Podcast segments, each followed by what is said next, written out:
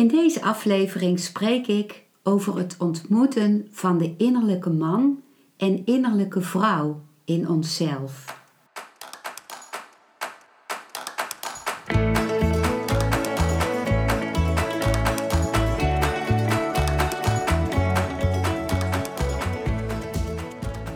Welkom bij een nieuwe aflevering van Modita's podcast Van Pijn naar Zijn.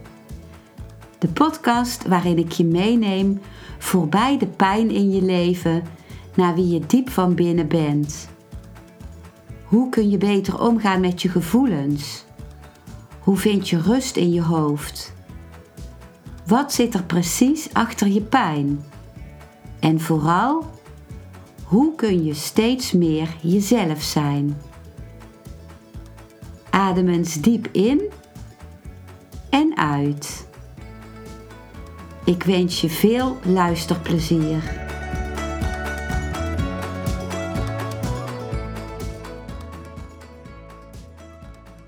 In onze relaties worstelen we vaak met een partner van het andere geslacht. En mensen die zich aangetrokken voelen tot iemand van hetzelfde geslacht, kunnen de inhoud van deze aflevering vertalen naar hun partner door in de ander van hetzelfde geslacht de meer mannelijke of meer vrouwelijke kant van zichzelf te zien. We worden aangetrokken door onze partner en tegelijkertijd ervaren we vaak veel moeilijkheden in relatie met onze partner. En tenslotte hebben zowel de aantrekkingskracht en de moeilijkheden allebei te maken met uh, de verhouding die we hebben met onze innerlijke man en innerlijke vrouw. Uiteindelijk zullen we het meest in vrede zijn als er een innerlijke harmonie is tussen onze innerlijke man en innerlijke vrouw. En dan zijn de uiterlijke man en uiterlijke vrouw minder belangrijk. Die worden dan steeds minder belangrijk naarmate jouw innerlijke man en innerlijke vrouw elkaar op een meer harmonieuze manier kunnen ontmoeten. Ik deel nu eerst woorden van Osho over dit onderwerp. Hierin spreekt Osho over de bouw, bowels. En uh, ik deel daarom eerst een stukje van Osho over wie de bowels nou eigenlijk zijn. En deze woorden staan beschreven in het boek The Beloved van Osho, volume 1, hoofdstuk 1. Dus Osho vertelt dan over de bouwels. De bouwels worden bouwels genoemd omdat het gekke mensen zijn. Het woord baul komt van de Sanskriet wortel vatul. Het betekent gek beïnvloed door de wind. De Baul behoort tot geen enkele religie. Hij is nog Hindoe, nog Mohammedaan, nog christen, nog boeddhist. Hij is een eenvoudig mens. Zijn rebellie is totaal. Hij behoort aan niemand toe. Hij behoort alleen aan zichzelf. Hij leeft in een niemandsland. Geen land is van hem. Geen religie is van hem. Geen geschrift is van hem. Bouws hebben niets. Geen geschrift, zelfs niet om het te verbranden. Geen kerk, geen tempel, geen moskee. Helemaal niets. Een baul is een mens die altijd onderweg is. Hij heeft geen huis, geen verblijfplaats. God is zijn enige verblijfplaats en de hele hemel is zijn toevlucht.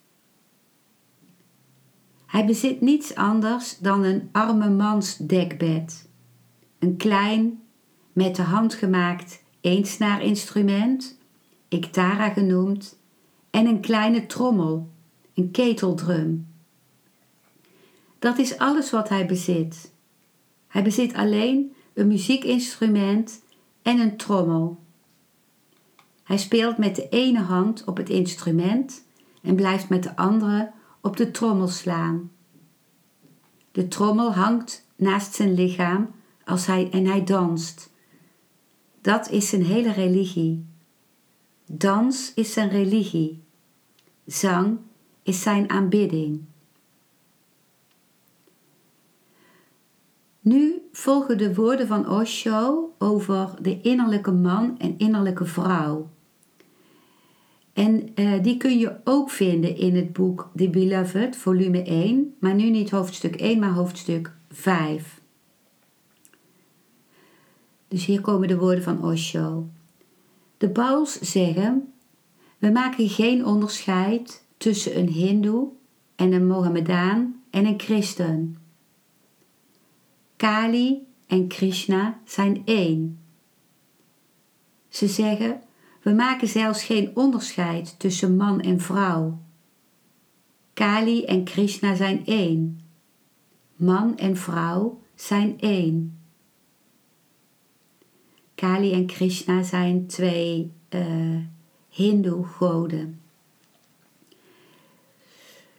Dat is een van hun grote inzichten. Dat als je echt in vertrouwen en liefde danst en zingt, je gaat voelen dat man en vrouw niet twee dingen zijn, geen twee wezens.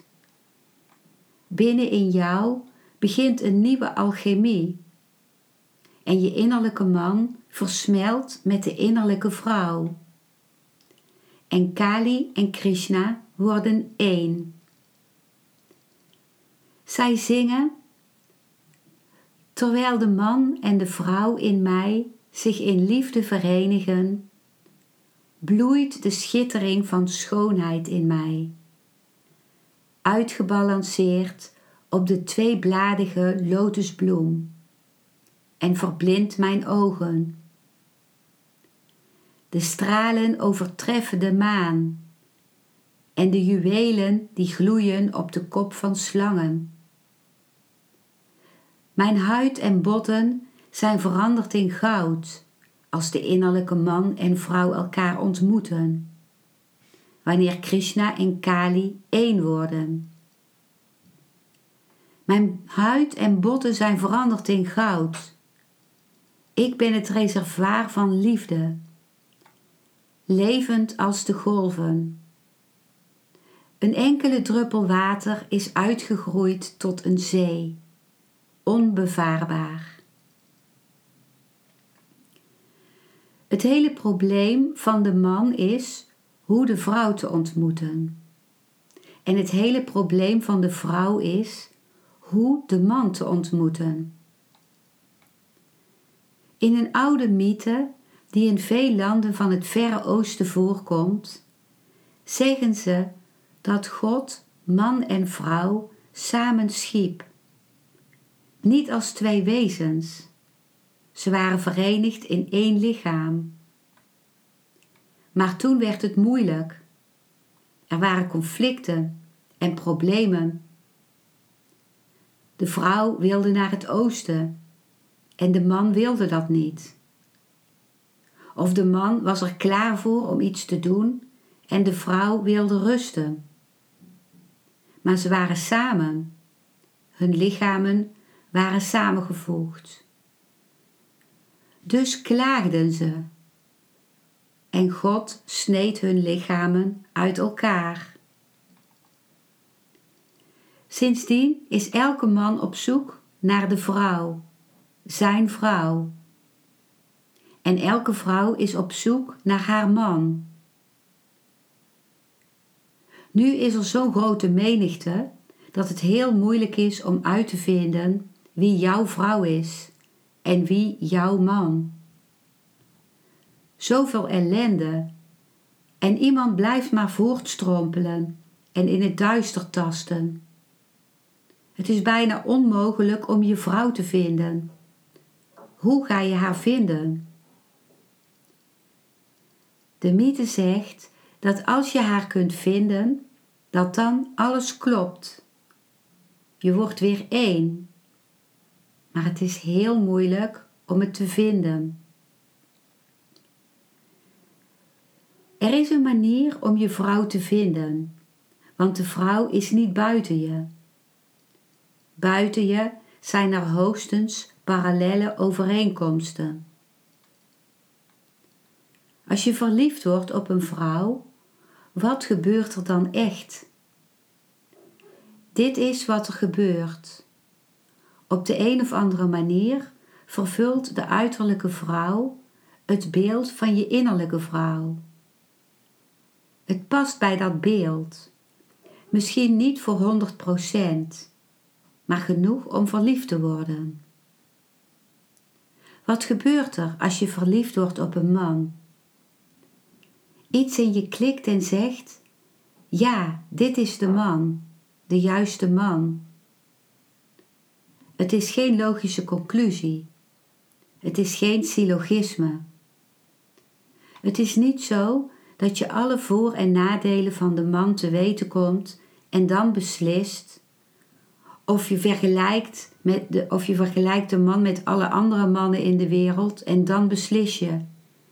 Nee, er gebeurt iets vanuit het niets. Opeens zie je dat dit de man is op wie je zat te wachten, op wie je gedurende, gedurende levens wachtte. Wat gebeurt er? Je draagt een beeld van een man in jezelf. Je draagt een beeld van een vrouw in jezelf.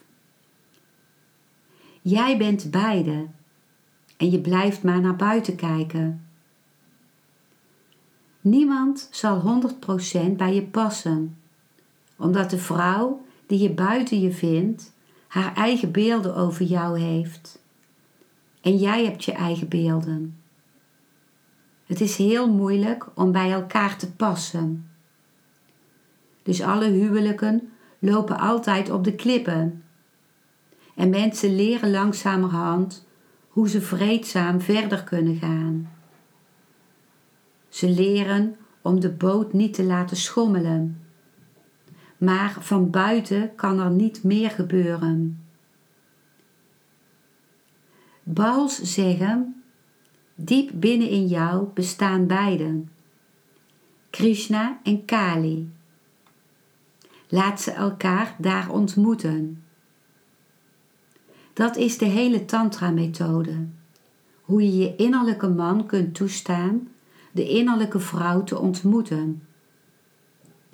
En wanneer dit een cirkel wordt, wanneer deze ontmoeting, wanneer deze innerlijke copulatie plaatsvindt, is er een geweldig orgasme. Een geweldig explosief orgasme begint. Dat een begin kent, maar geen einde. Dan leef je een orgastisch leven. Een enkele druppel water is uitgegroeid tot een zee, onbevaarbaar. Dan ben je niet meer eindig. Je wordt oneindig. Dit waren de woorden van Osho. Nu wil ik een oefening met je delen. Een oefening waaraan je in jezelf ook je innerlijke man en innerlijke vrouw kunt gaan ervaren.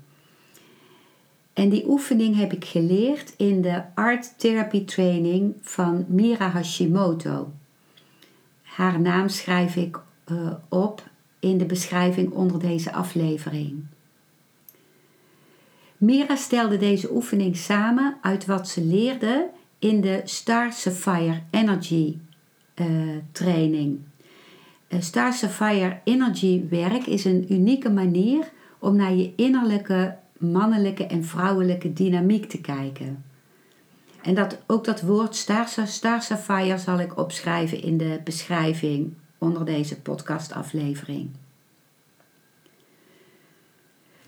Sapphire werk zorgt er allereerst voor dat je je verbindt met je benen.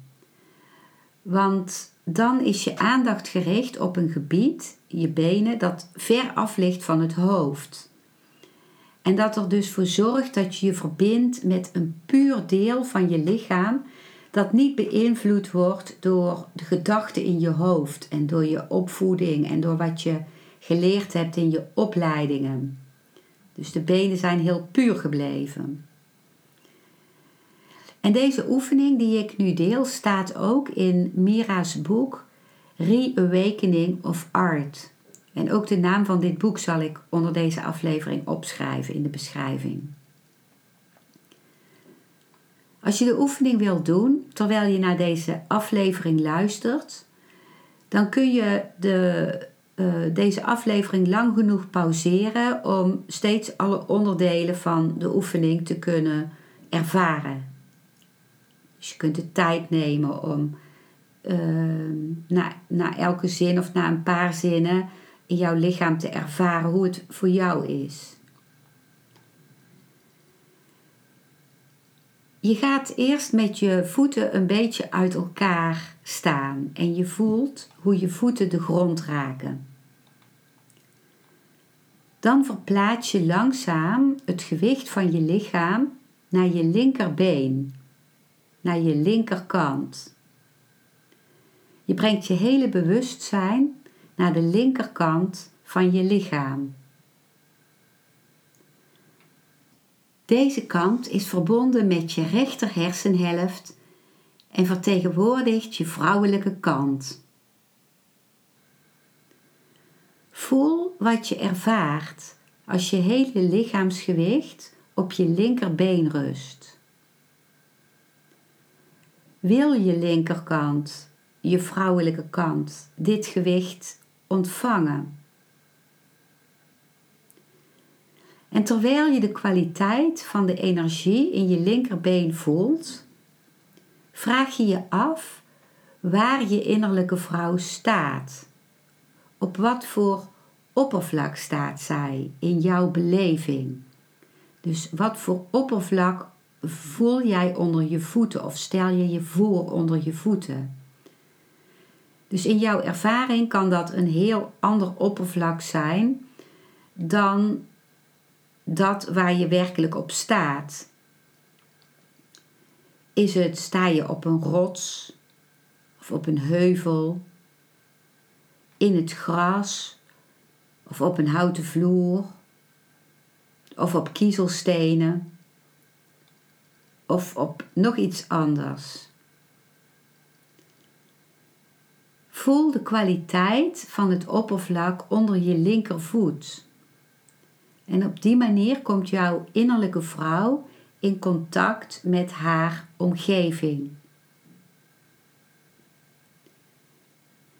Vanaf dit startpunt verruim je je bewustzijn en stel je je de hele scène voor waar je je in bevindt, je hele omgeving. Is het een kamer in een huis of een, in een hutje of is het, sta je op een berg of in een grasveld?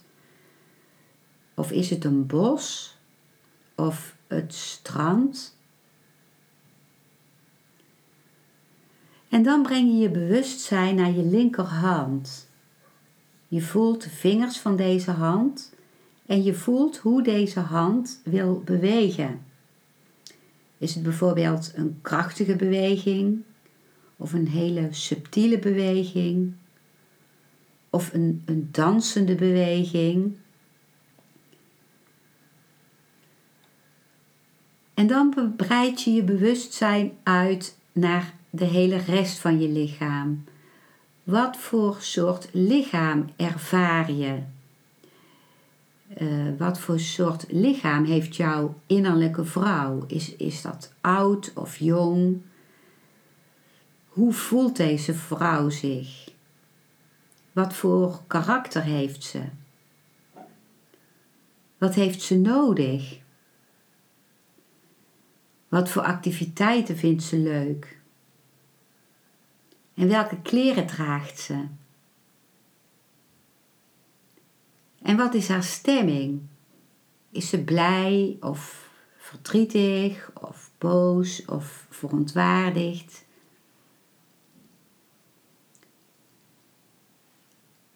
Onze samenleving is heel sterk gericht op het mannelijke, met de nadruk op presteren, op eh, handelen, op eh, eh, goede resultaten behalen, op bedrijvigheid, op, rationaliseren, verklaren. En onze innerlijke vrouw is vaak heel erg onderdrukt. En ze krijgt meestal niet genoeg ruimte om zichzelf te zijn. En met deze oefening, met het ontdekken van je linker uh, lichaamshelft, die verbonden is met je innerlijke vrouw, kom je meer in contact met je innerlijke vrouw of kun je daar meer mee in contact komen. Krijgt jouw innerlijke vrouw de kans om te zijn zoals zij graag wil zijn en om te doen wat ze graag doet.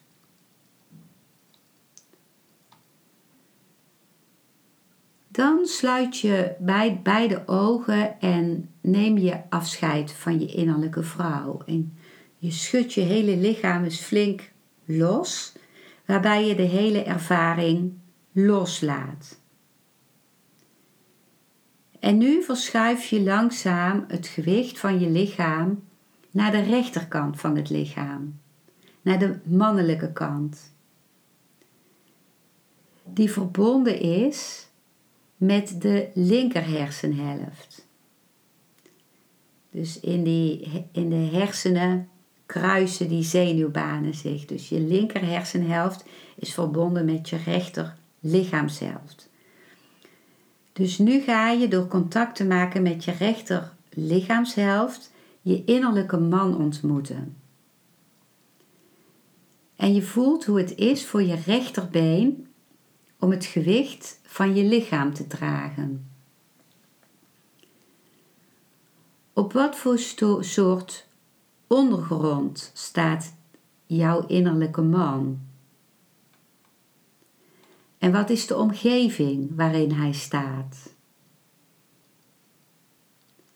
Wat voel je in de hand en vingers van je rechterhand?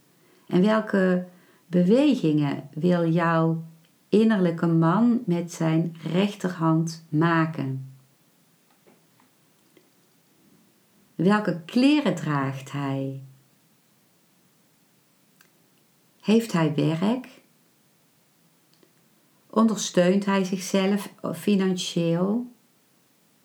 Beweegt hij graag en hoe wil hij graag bewegen?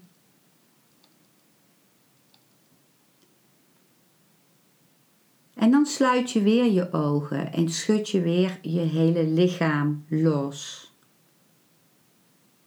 En nu vraag je jezelf af wat er gebeurt als je innerlijke man en innerlijke vrouw elkaar ontmoeten. Willen ze elkaar graag ontmoeten? Ondersteunen ze elkaar?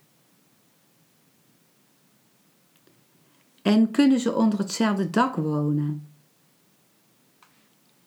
Kunnen ze in harmonie leven? Uiterlijke conflicten met iemand van het andere geslacht of uh, iemand van hetzelfde geslacht, als je op iemand van hetzelfde geslacht uh, valt, weerspiegelen vaak het conflict tussen je eigen energieën, tussen je eigen innerlijke man en vrouw. Als je vaak ruzie hebt met je partner, doen je innerlijke man en innerlijke vrouw hoogstwaarschijnlijk hetzelfde. Als je een vrouw bent en steeds weer een partner aantrekt die niet beschikbaar is, is hoogstwaarschijnlijk ook je innerlijke man niet beschikbaar.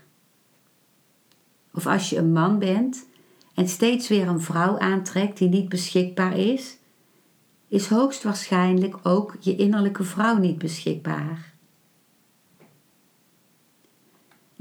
Het is niet zo dat de innerlijke vrouw altijd passief is en de innerlijke man altijd actief. Het kan ook andersom zijn. Als je deze oefening doet, zul je beter begrijpen wanneer je actief wilt zijn en wanneer je passief wilt zijn. En je begint beter te begrijpen welk deel van jou niet genoeg ruimte krijgt om te genieten van wat dit deel fijn vindt. Je kunt ook een experiment doen waar ik zelf erg van genoten heb. Om de innerlijke vrouw ruimte te geven en haar beter te leren kennen, bedek je je rechteroog met een blinddoek of met een oogklep en kijk je alleen door je linkeroog. Dus bij het gebied van het zien is het niet zo dat de hersenzenuwen elkaar kruisen of alleen een paar hersen, uh, een klein deel daarvan. Dus daarbij is het wel zo dat het linkeroog verbonden is met eh, de innerlijke vrouw, met de linker lichaamshelft. Dus het linkeroog is het oog van je innerlijke vrouw. En als je alleen met dit oog kijkt, kijk dan of jouw innerlijke vrouw het leuk vindt om rond te kijken en nieuwsgierig is om de omgeving te verkennen. Of juist helemaal niet, dat ze juist veel meer in zichzelf gekeerd is. Je neemt waar of, of je, uh, als je alleen met je linkeroog kijkt, dus uh, vanuit je innerlijke vrouw, of je het dan fijn vindt om andere mensen te ontmoeten. Of dat jouw innerlijke vrouw liever alleen is en misschien zelfs graag haar ogen gesloten houdt. je voelt waar jouw innerlijke vrouw wil zitten en dat ze actief wil zijn of juist niet. En je kunt dat ook doen, uh, je rechteroog bedekt houden en alleen met het linkeroog kijken als je iets gaat doen als experiment. Als je bijvoorbeeld gaat wandelen of als je schildert. Of als je je huis schoonmaakt. Of, of, uh, of je computerwerk doet. Dan kun je ervaren hoe het is om. Uh, hoe jouw innerlijke vrouw daarmee omgaat en dat ervaart. En op een ander moment van de dag of op een van de volgende dagen Bedek je je linkeroog en kijk je met je rechteroog, met het oog van je innerlijke man. En dan ga je waarnemen hoe je de wereld waarneemt en hoe je jezelf waarneemt als je door dit oog kijkt. Hoe ontmoet je dan de mensen? En uh, hoe uh, hoe ben je dan? Hoe ervaar je dan je wandeling of het, het maken van een schildering of het doen van je werk? Voor mij was het een totaal andere ervaring in hoe ik mezelf voelde, hoe ik me verbond met anderen en hoe ik schilderde en zelfs hoe ik lunchte bijvoorbeeld. Als ik door mijn linkeroog kijk, was het dus totaal anders als wanneer ik door mijn rechteroog keek. Ik voelde dat als ik met mijn linkeroog schilderde, ik meer ontspannen was, meer geduld had en de kleuren op een veel intiemere manier zag. Ik ervoer de kleuren ook echt anders. En toen ik met mijn rechteroog keek, nam ik uh, meer richting. dan schilderde ik meer dingen die een richting uitdrukten in mijn schildering, bracht ik meer structuur aan, had ik meer uh, nieuwe ideeën over wat ik moest schilderen en nam ik meer risico om iets nieuws uit te proberen.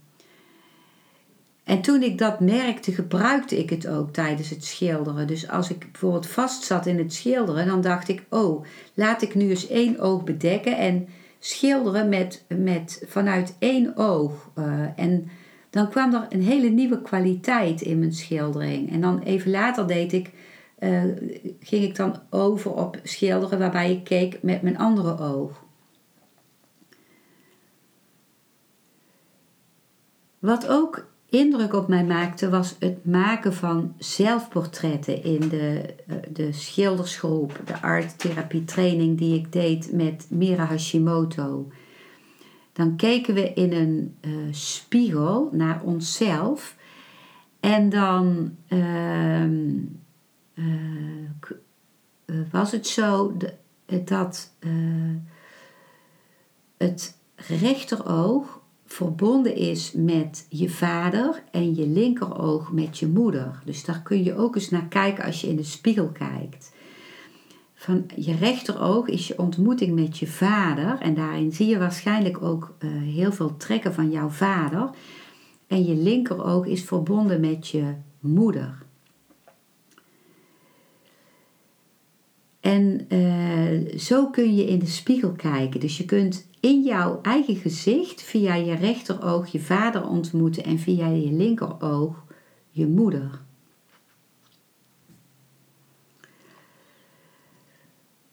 Wat in het kader van innerlijke man, innerlijke vrouw ook bij mij gebeurde, was dat ik op een nacht in mijn droom mijn echt voelde dat ik mijn innerlijke man zag. Het was, ik, ik stond op een bruggetje en ik keek vanuit dat bruggetje naar beneden en onder die brug liep een man met ehm, eh, eh, lang haar uh, samengebonden in een staart en die keek omhoog naar mij met zo'n vriendelijkheid en dat voelde zo vertrouwd en iemand die zo vriendelijk was, geïnteresseerd en uh, op uh, dezelfde tijd ook verbonden was heel erg met zichzelf en zijn eigen ding deed, die helemaal verbonden was ook met de natuur. En dat was één blik en een zien waarbij ik voelde: dit is mijn innerlijke man.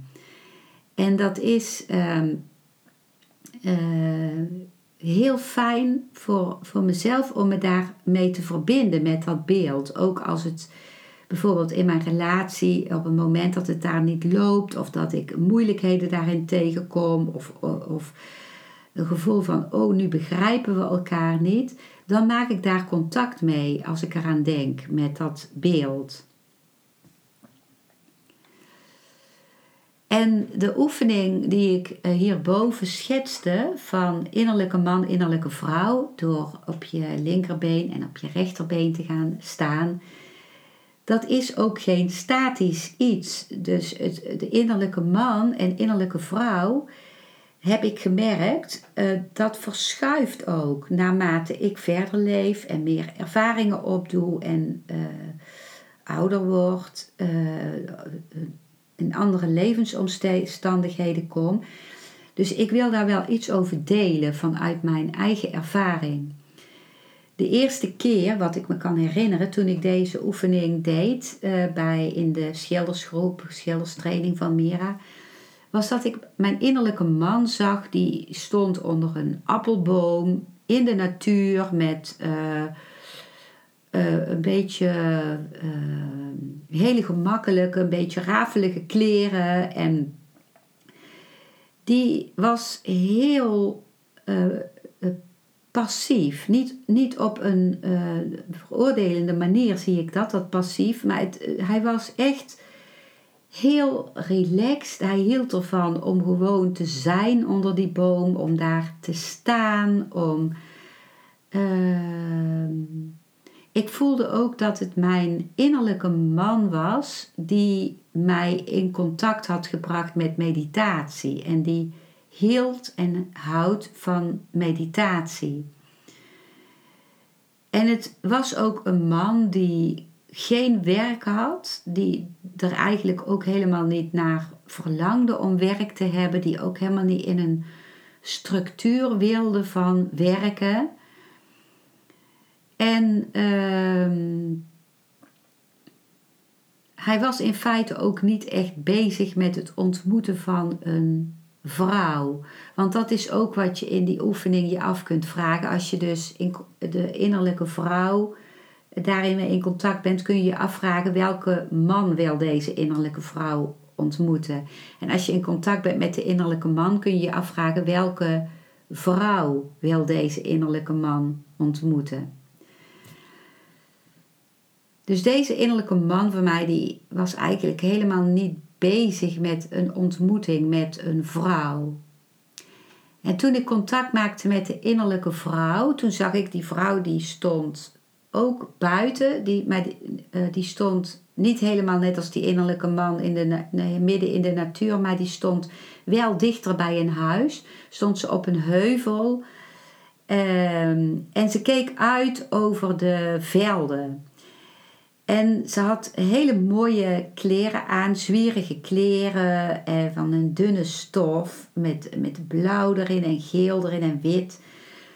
En de wind waaide door haar jurk en zij, zij was veel actiever. Zij hield van activiteit. Zij hield ook van dingen opzetten, van uh, dingen delen met mensen, met, uh, ook met groepen mensen, met uh, ook anderen inspireren of, of willen meenemen in haar eigen inspiratie.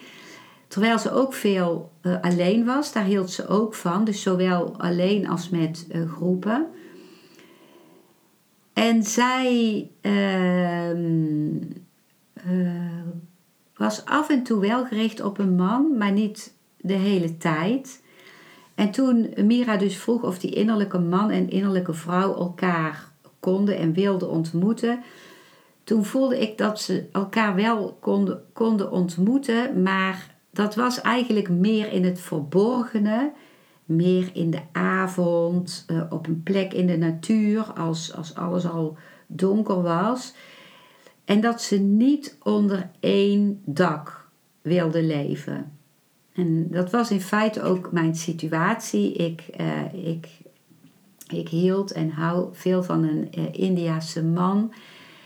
En uh, wij ontmoetten elkaar als ik in India was en ook vaak gewoon na ons, als de, de meditatiedag of ons werk ten einde was. En uh, dan was er een heel hecht contact. Maar we hadden ook allebei heel veel tijd nodig om ook bij onszelf te zijn. En ehm, toen kwam ik een paar jaar later, ik ging elk jaar wel naar India, naar dat meditatiecentrum. En toen deed ik weer die schildersgroep. En toen uh, deed ik weer de oefening innerlijke man, innerlijke vrouw.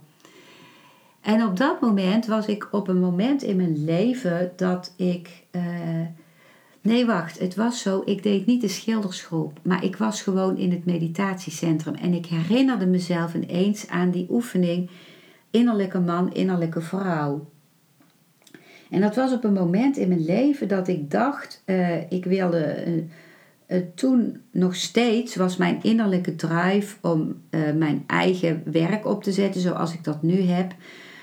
Ehm, en om te gaan delen, meditatie en therapie of familieopstellingen. Maar ik voelde op dat moment dat ik eerst nog echt in de maatschappij werk wilde doen. Dus dat ik ook uh, overwoog om weer als arts te gaan werken. En toen deed ik die oefening en toen was het grappige dat ik, mijn innerlijke man stond niet meer onder de appelboom. en die had niet meer van die rafelige kleren aan, maar die stond ergens in een straat. En hij had hele nette kleren aan. Hij had, uh, volgens mij had hij zelfs een stropdas om. Dus het was echt een man die erop gekleed was om in de maatschappij iets te doen. En dat vond ik toen zo leuk om te ervaren dat mijn innerlijke man mee was veranderd met wat er op dat moment in mijn leven aan de orde was. Wat, wat zich op dat moment van binnen aandiende, wat belangrijk was voor mij. En uh, ja, dus je kunt die oefening, die kun je uh, op diverse uh, momenten in je leven doen. En dan geeft het je met die symboliek ook echt een beeld van wat er innerlijk in jezelf zich afspeelt. En wat het verlangen is van die innerlijke man en innerlijke vrouw. Wat ik ook nog wil delen in het kader van dit thema is uh, een bijzondere ervaring die ik had in de Women Liberation groep. Dat is de laatste groep die Osho heeft gecreëerd voordat hij zijn lichaam verliet. En dat was op een moment dat Osho zag hoe, hoeveel jaloezie er was onder vrouwen onderling. En wat hij zei was: The woman wants to be wanted, she wants to be needed, but she doesn't want to be loved. Dus de vrouw wil um, gewild zijn, ze wil nodig zijn, maar ze wil niet lief gehad worden. Dus ze neemt niet de tijd om de ruimte om te voelen dat ze wil dat er van haar gehouden wordt. Mijn plaats daarvan is ze vaak gericht op uh, zorgen dat anderen haar nodig hebben en dat ze niet meer gemist kan worden. En toen heeft hij een groep ontwikkeld en voor de man werd het later de Men's Liberation. En dat is een, een proces waarbij je uh, helemaal met een groep in isolatie gaat uh, gedurende eh, volgens mij was het tien dagen. En die inhoud van die groep, die is vertrouwelijk. Dus het is zo dat ik, dat het niet de bedoeling is dat ik die hele structuur van die groep vertel. Omdat het dan mensen die deze groep willen doen, de mogelijkheid ontneemt om het nieuwe en het verrassende te ervaren. Maar wat ik er wel over wil zeggen is dat ik in die groep contact maakte met mijn innerlijke man. En heel duidelijk mijn man heb kunnen leven. En wat ik dus ontdekte was dat uh, waar mijn innerlijke vrouw monogaam is, dat mijn innerlijke man juist polygaam was. Dat hij gericht was op uh, contact met heel veel andere vrouwen. Dat hij nieuwsgierig was naar andere vrouwen. En um, dat hij ook uh, een aantrekkingskracht uitoefende op heel veel vrouwen. Hij wou, hij wou alles onderzoeken van hoe, van alle aspecten van de contact met andere vrouwen. En uh, ja, ik merkte ook uh, uh, dat hij helemaal niet gericht was op ambitie en op ehm, ja, hoger opkomen in werk of wat dan ook. Dat, dat komt dus overeen met wat ik ook in die oefening van Mira had, was tegengekomen. En ik ben door het leven van mijn innerlijke man veel meer gaan begrijpen over de man, dus over de andere seksen dan ik zelf ben. Ik kon ook merken de, de mooie eenvoud die een man heeft. Dat, uh, en dat, dat ik als man toen ik mijn man zijn leefde, ervoor hoe complex vrouwen waren. Dat vrouwen uh, uh, in hun praten, in hun beleven, in hun ervaren, dat ze van hele onverwachte hoeken ineens konden komen. Dat elk moment de vrouw iets kon doen of zeggen of, of emoties naar boven konden komen die ik totaal niet aan had zien komen. En dat ik naar hun keek als hele complexe wezens. Dus nu kan ik me ook beter voorstellen hoe een man een vrouw ervaart. En dat vond ik heel mooi om te ervaren. In die zin kan ik die groep echt aanbevelen. Het is niet vaak dat die gegeven worden. Ik, uh, ik uh, uh, ik zag pas een groep voorbij komen op Facebook eh, waar die in Italië gegeven wordt, maar ik, zou niet meer weten waar dat was. Dus dan moet je echt op zoek gaan daarna. Dus Woman Liberation of Men's Liberation. Nou, dit was wat ik uh, in deze aflevering wilde delen en wilde vertellen over het onderwerp innerlijke man innerlijke vrouw. Dankjewel voor het luisteren naar deze aflevering. Ik hoop dat hij je een nieuw inzicht of perspectief heeft gegeven.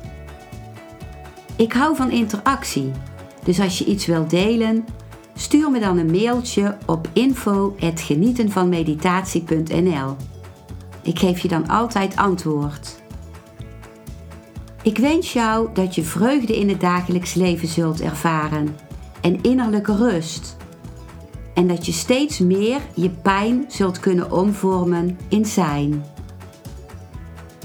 Je kunt de afleveringen van deze podcast volgen via Spotify, Google Podcast, Apple Podcast en Podbean door op de volg- of abonneerknop te klikken.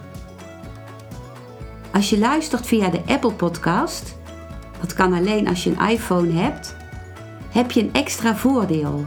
Omdat als je op de knop abonneren klikt, je steeds een berichtje op je mobiele telefoon ontvangt als er weer een volgende aflevering van mijn podcast verschijnt. Je bent van harte welkom bij die volgende aflevering.